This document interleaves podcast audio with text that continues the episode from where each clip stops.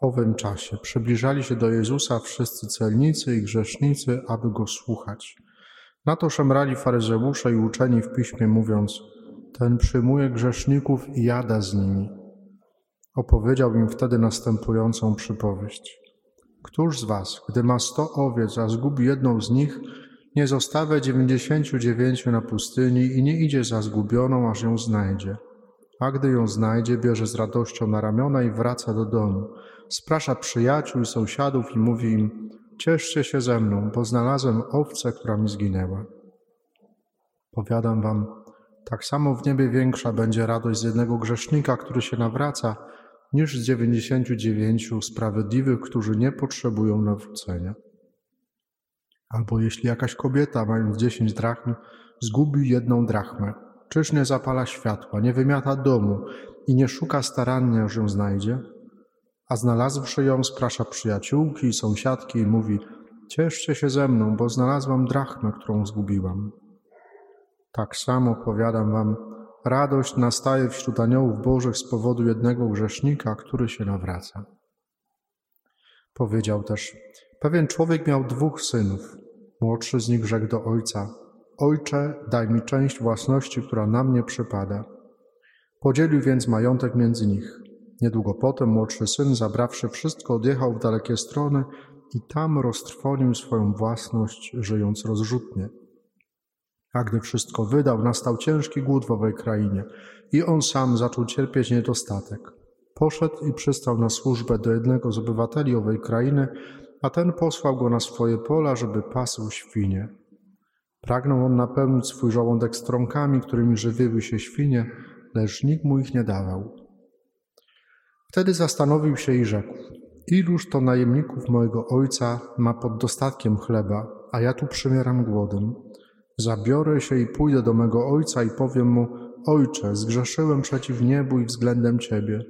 Już nie jestem godzien nazywać się Twoim synem. Uczyń mnie choćby jednym z Twoich najemników. Zabrał więc, zabrał się więc i poszedł do swego ojca. A gdy był jeszcze daleko, Ujrzał go jego ojciec i wzruszył się głęboko. Wybiegł naprzeciw niego, rzucił mu się na szyję i ucałował go. A syn rzekł do niego: Ojcze, zgrzeszyłem przeciw niebu i wobec ciebie. Już nie jestem godzien nazywać się twoim synem. Lecz ojciec powiedział do swoich sług: Przynieście szybko najlepszą szatę i ubierzcie go. Dajcie mu też pierścień na rękę i sandały na nogi Przyprowadźcie utuczone ciele i zabijcie. Będziemy ucztować i weselić się, ponieważ ten syn mój był umarły, a znów ożył, zaginął, a odnalazł się. I zaczęli się weselić. Tymczasem starszy jego syn przebywał na polu. Gdy wracał i był blisko domu, usłyszał muzykę i tańce. Przywołał jednego ze sług i pytał go, co to ma znaczyć. Ten mu rzekł: Twój brat powrócił, a ojciec twój kazał zabić utuczone ciele, ponieważ odzyskał go zdrowego. Rozgniewał się na to i nie chciał wejść. Wtedy ojciec jego wyszedł i tłumaczył mu. Lecz on odpowiedział ojcu: Oto tyle lat ci służę i nie przekroczyłem nigdy twojego nakazu, ale mnie nigdy nie dałeś koźlęcia, żebym się zabawił z przyjaciółmi. Skoro jednak wrócił ten syn twój, który roztrwonił twój majątek z nierządnicami, kazałeś zabić dla niego utuczone ciele. Lecz on mu odpowiedział: Moje dziecko, ty zawsze jesteś ze mną i wszystko, co moje, do ciebie należy. A trzeba było weselić się i cieszyć z tego, że ten brat twój był umarły, a znów ożył, zaginął, a odnalazł się. W tegorocznym Wielkim Poście słyszeliśmy już przypowieść o miłosiernym ojcu i o marnotrawnym synu. Dzisiaj w liturgii wraca ona jako część większej całości, tryptyku przypowieści, które czasami są nazywane Ewangelią w Ewangelii. To dlatego, że w tych trzech przypowieściach, które słyszeliśmy, można powiedzieć, że jest zawarte to, co najważniejsze w całej Ewangelii, cała istota e, Ewangelii, dobrej nowiny. A ta istota jest taka, że Bóg kocha człowieka, kocha nas, kocha każdego z nas miłością tak wielką, że aż czasem wydaje się ta miłość być jakimś szaleństwem. Bóg kocha nas miłością, która jest hojna, która jest wręcz rozrzutna w dawaniu. Właśnie tak Bóg nas kocha. Może dzisiaj nie czujemy zbytnio szaleństwa tego pasterza, który zostawia te 99 owiec na pastwisku po to, żeby szukać tej jednej, która gdzieś zaginęła. Ale dla słuchaczy Pana Jezusa, którzy byli mocno osadzeni w kulturze e, pasterskiej, takie zachowanie było czymś no, po prostu nie do pomyślenia. Taką owcę po prostu spisywało się na straty, dlatego że groziło, jak ktoś by odszedł od stada, to groziło to, że ktoś zaatakuje całe stado, resztę, więc groziło to, że utracę te 99. A druga rzecz była taka, że takie jest przekonanie pasterzy, że jak owca ucieknie raz, to już będzie zawsze uciekać. Nawet jak ją się przyprowadzi, ona jest zawsze już będzie uciekać. Więc taką owcę z góry się spisywało na straty. Jeszcze bardziej szalona jest ta kobieta z drugiej przypowieści, która zgubiła mały pieniążek, jedną drachmę. To jest jeden grosz. Ona zgubiła grosika. I co robi, żeby tego grosika odzyskać? Przed całe, całe mieszkanie wywraca do góry nogami po to, żeby odzyskać tą drachmę, ten grosz. A kiedy go znajduje, to wtedy sprasza przyjaciółki na herbatkę, na ciastko i robią imprezę bo znalazła tu jeden grosik. W końcu ta trzecia przypowieść i ojciec, który najpierw pozwala synowi uznać się za zmarłego. No bo czym jest ta prośba, kiedy ten młodszy syn idzie i mówi: Daj mi część majątku, którą, yy, która na mnie przypada? Kiedy się dzieli majątek po rodzicach? No wtedy, kiedy ci rodzice umierają. Wtedy to rozdziela się na dzieci. Więc ten, ten syn przychodzi do tego ojca i mówi: Jesteś dla mnie martwy, jesteś dla mnie tyle warty, co no, no, jesteś, zmarłeś po prostu. Daj mi część majątku, która na mnie przypada. I ojciec daje. I pozwala roztrwonić ten, ten majątek w dalekich krajach. A kiedy ten marnotrawny syn wraca, no to ojciec wyczekuje go, wygląda go, wybiega mu naprzeciw, na jego powitanie, wyprawia wielką ucztę, jakby nic się nie wydarzyło. Doskonale rozumiemy, wiemy, że to Bóg jest tym pasterzem, jest tą kobietą, jest tym ojcem, a my jesteśmy i tą zagubioną owcą, i, tam, i tym małym grosikiem, i synem, który tapla się w błocie grzechu, albo też tym drugim synem, który chociaż żyje przy ojcu, to czuje się bardziej jak niewolnik niż jak syn. To są przypowieści o nas, o miłości, jaką Bóg obdarza każdego z nas. O miłości, która przekracza wszystkie ludzkie schematy, ludzkie pojęcia, która jest swego rodzaju szaleństwem. O miłości, która jest nieograniczoną hojnością, nieustannym obdarowywaniem człowieka. Tak Pan Bóg nas kocha. Myślę, że to jest doskonały, doskonałe słowo na nasze dzisiejsze świętowanie w naszej parafii dożynek, dziękczynienia za tegoroczne plony. Bo to jest, dożynki to jest dziękczynienie za to, że ta Boża miłość do nas to nie jest tylko jakieś puste słowo. To nie jest, to nie jest piosenka Zenka Martyniuka, tak? Nie. Ta Boża miłość do nas wyraża się bardzo konkretnie w trosce Pana Boga, w konkretnej, bardzo namacalnej trosce o nasze życie. To są, my za to dziękujemy. Bo przez te plony Pan Bóg się troszczy o nas. My wszyscy z tego korzystamy. Wszyscy dzięki temu żyjemy. Dziękujemy Bogu dzisiaj za nieskończoną hojność Jego miłości, która, którą okazuje nam na tak wiele różnych sposobów, nawet jak my tego nie dostrzegamy albo nie chcemy dostrzegać. To Bóg się o nas troszczy. Dziękujemy za, obfitą, za odpowiednią pogodę, za obfite plony. Dziękujemy za siły i zdrowie, których nam udzielił do pracy, za to, że zaprosił nas do udziału w dziele stworzenia, że pozwolił nam zobaczyć że miłość dzielona z innymi przynosi obfite plony.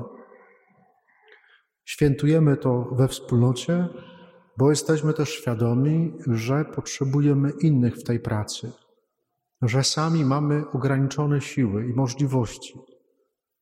Za tę wspólnotę pracy, za tych, z którymi na co dzień pracujemy, niekoniecznie na roli, w ogóle za, za tych, z którymi pracujemy, za to też dzisiaj dziękujemy. To jest istota dożynek. I dzięki Bogu, że dał nam na to nasze świętowanie właśnie to słowo o, o hojności Jego miłości do nas. Ale chcę zwrócić uwagę jeszcze na jedną bardzo ważną prawdę, która, można powiedzieć, spina tę dzisiejszą liturgię słowa w dwóch obrazach. Pierwszy obraz to jest dzisiejsze pierwsze czytanie z Księgi Wejścia, a drugi obraz to jest ta postać tego starszego syna. Złoty cielec y, i ta postawa tego syna, który ma pretensje do ojca, zaraz do tego dojdę, to jest bardzo mocne ostrzeżenie przed ubóstwieniem swojej pracy. Doskonale wiemy, że można ze swojej pracy zrobić takiego złotego cielca i zacząć oddawać mu chwałę, składać mu ofiary. Ile rodzin zostało złożonych w ofierze temu cielcowi pracy, zyskiwania, zarabiania za wszelką cenę. Ile rodzin? To nie znaczy, że praca jest czymś złym. To absolutnie nie. Jest czymś, co mamy, jak powiedziałem, udziałem w dziele stworzenia, którym Pan Bóg nas do tego zaprasza. Ale można z tej pracy zrobić sobie takiego złotego cielca i wszystko poświęcić na Jego ołtarzu. Może możemy zacząć oddawać Mu chwałę tak, że nawet się nie spostrzeżemy, a staniemy się niewolnikami tej pracy. Jak się to dzieje? Kiedy zapominamy, że wszystko, co mamy, tak naprawdę jest darem Bożej miłości, że jesteśmy Jego ukochanymi dziećmi, to bardzo szybko wpadniemy w takie myślenie, no, że jeżeli Pana Boga nie ma, tak, jeżeli On się o mnie nie troszczy, bo jedno wynika z drugiego, no to ja muszę się o wszystko zatroszczyć. To znaczy, że wszystko wyłącznie zależy ode mnie. Żyjemy w takim czasie i w takiej kulturze, która nam taki sposób myślenia nieustannie wtłacza. Celem jest po to, nie to, abyś żył, ale jest, celem jest to, żebyś pracował. My bardzo często żyjemy po to, żeby pracować, a nie pracujemy po to, żeby żyć. To jest jakiś chory objaw naszej, naszej kultury. Po co ci wolna niedziela? Po co innym wolna niedziela? Po co y, zamknięte sklepy w niedzielę? Przecież ja muszę zrobić zakupy, bo przez cały tydzień nie mam kiedy ich zrobić. Oni też mają rodziny i też mają prawo do odpoczynku, dokładnie tak jak ty.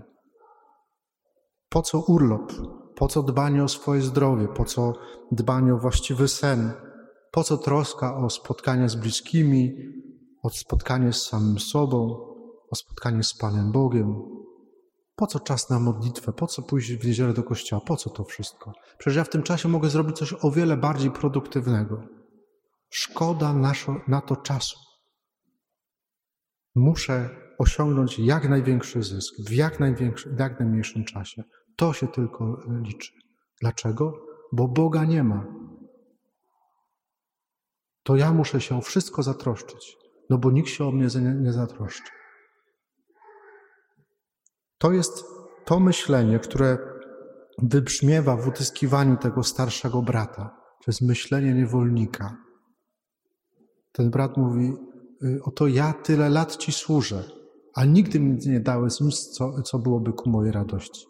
Tyle lat Ci służę. To jest myślenie niewolnika. Zobaczcie, co, Pan, co, co ten ojciec odpowiada. Wszystko, co moje, jest Twoje. Wszystko. Żebyś tylko chciał z tego skorzystać. Wszystko, co moje, jest Twoje. O wszystko się dla Ciebie zatroszczyłem.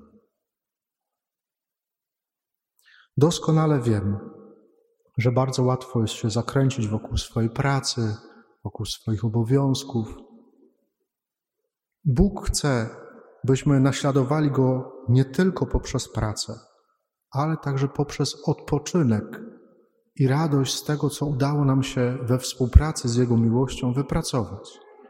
Po sześciu dniach pracy, stwarzania, Pan Bóg siada i odpoczywa.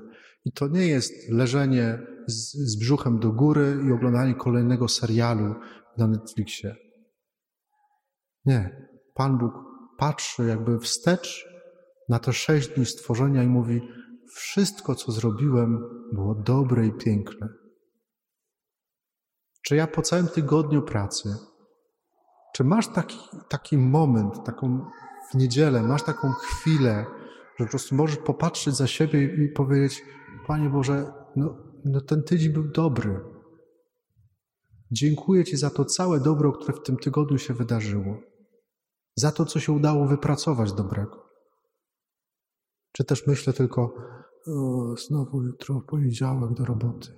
To jest takie słabe myślenie, słuchajcie. To jest tak słabe myślenie, niewdzięczne. Warto się nad tym zastanowić. Po to są dożynki. Po to jest również każda niedziela. Żebyśmy wciąż na nowo uświadamiali sobie, że nasza praca tak naprawdę jest współpracą z Bożymi darami, jest odpowiedzią, jest pomnażaniem tego, co otrzymaliśmy od Pana Boga. Wszystko, co moje, jest Twoje, byleś tylko chciał z tego skorzystać. Amen.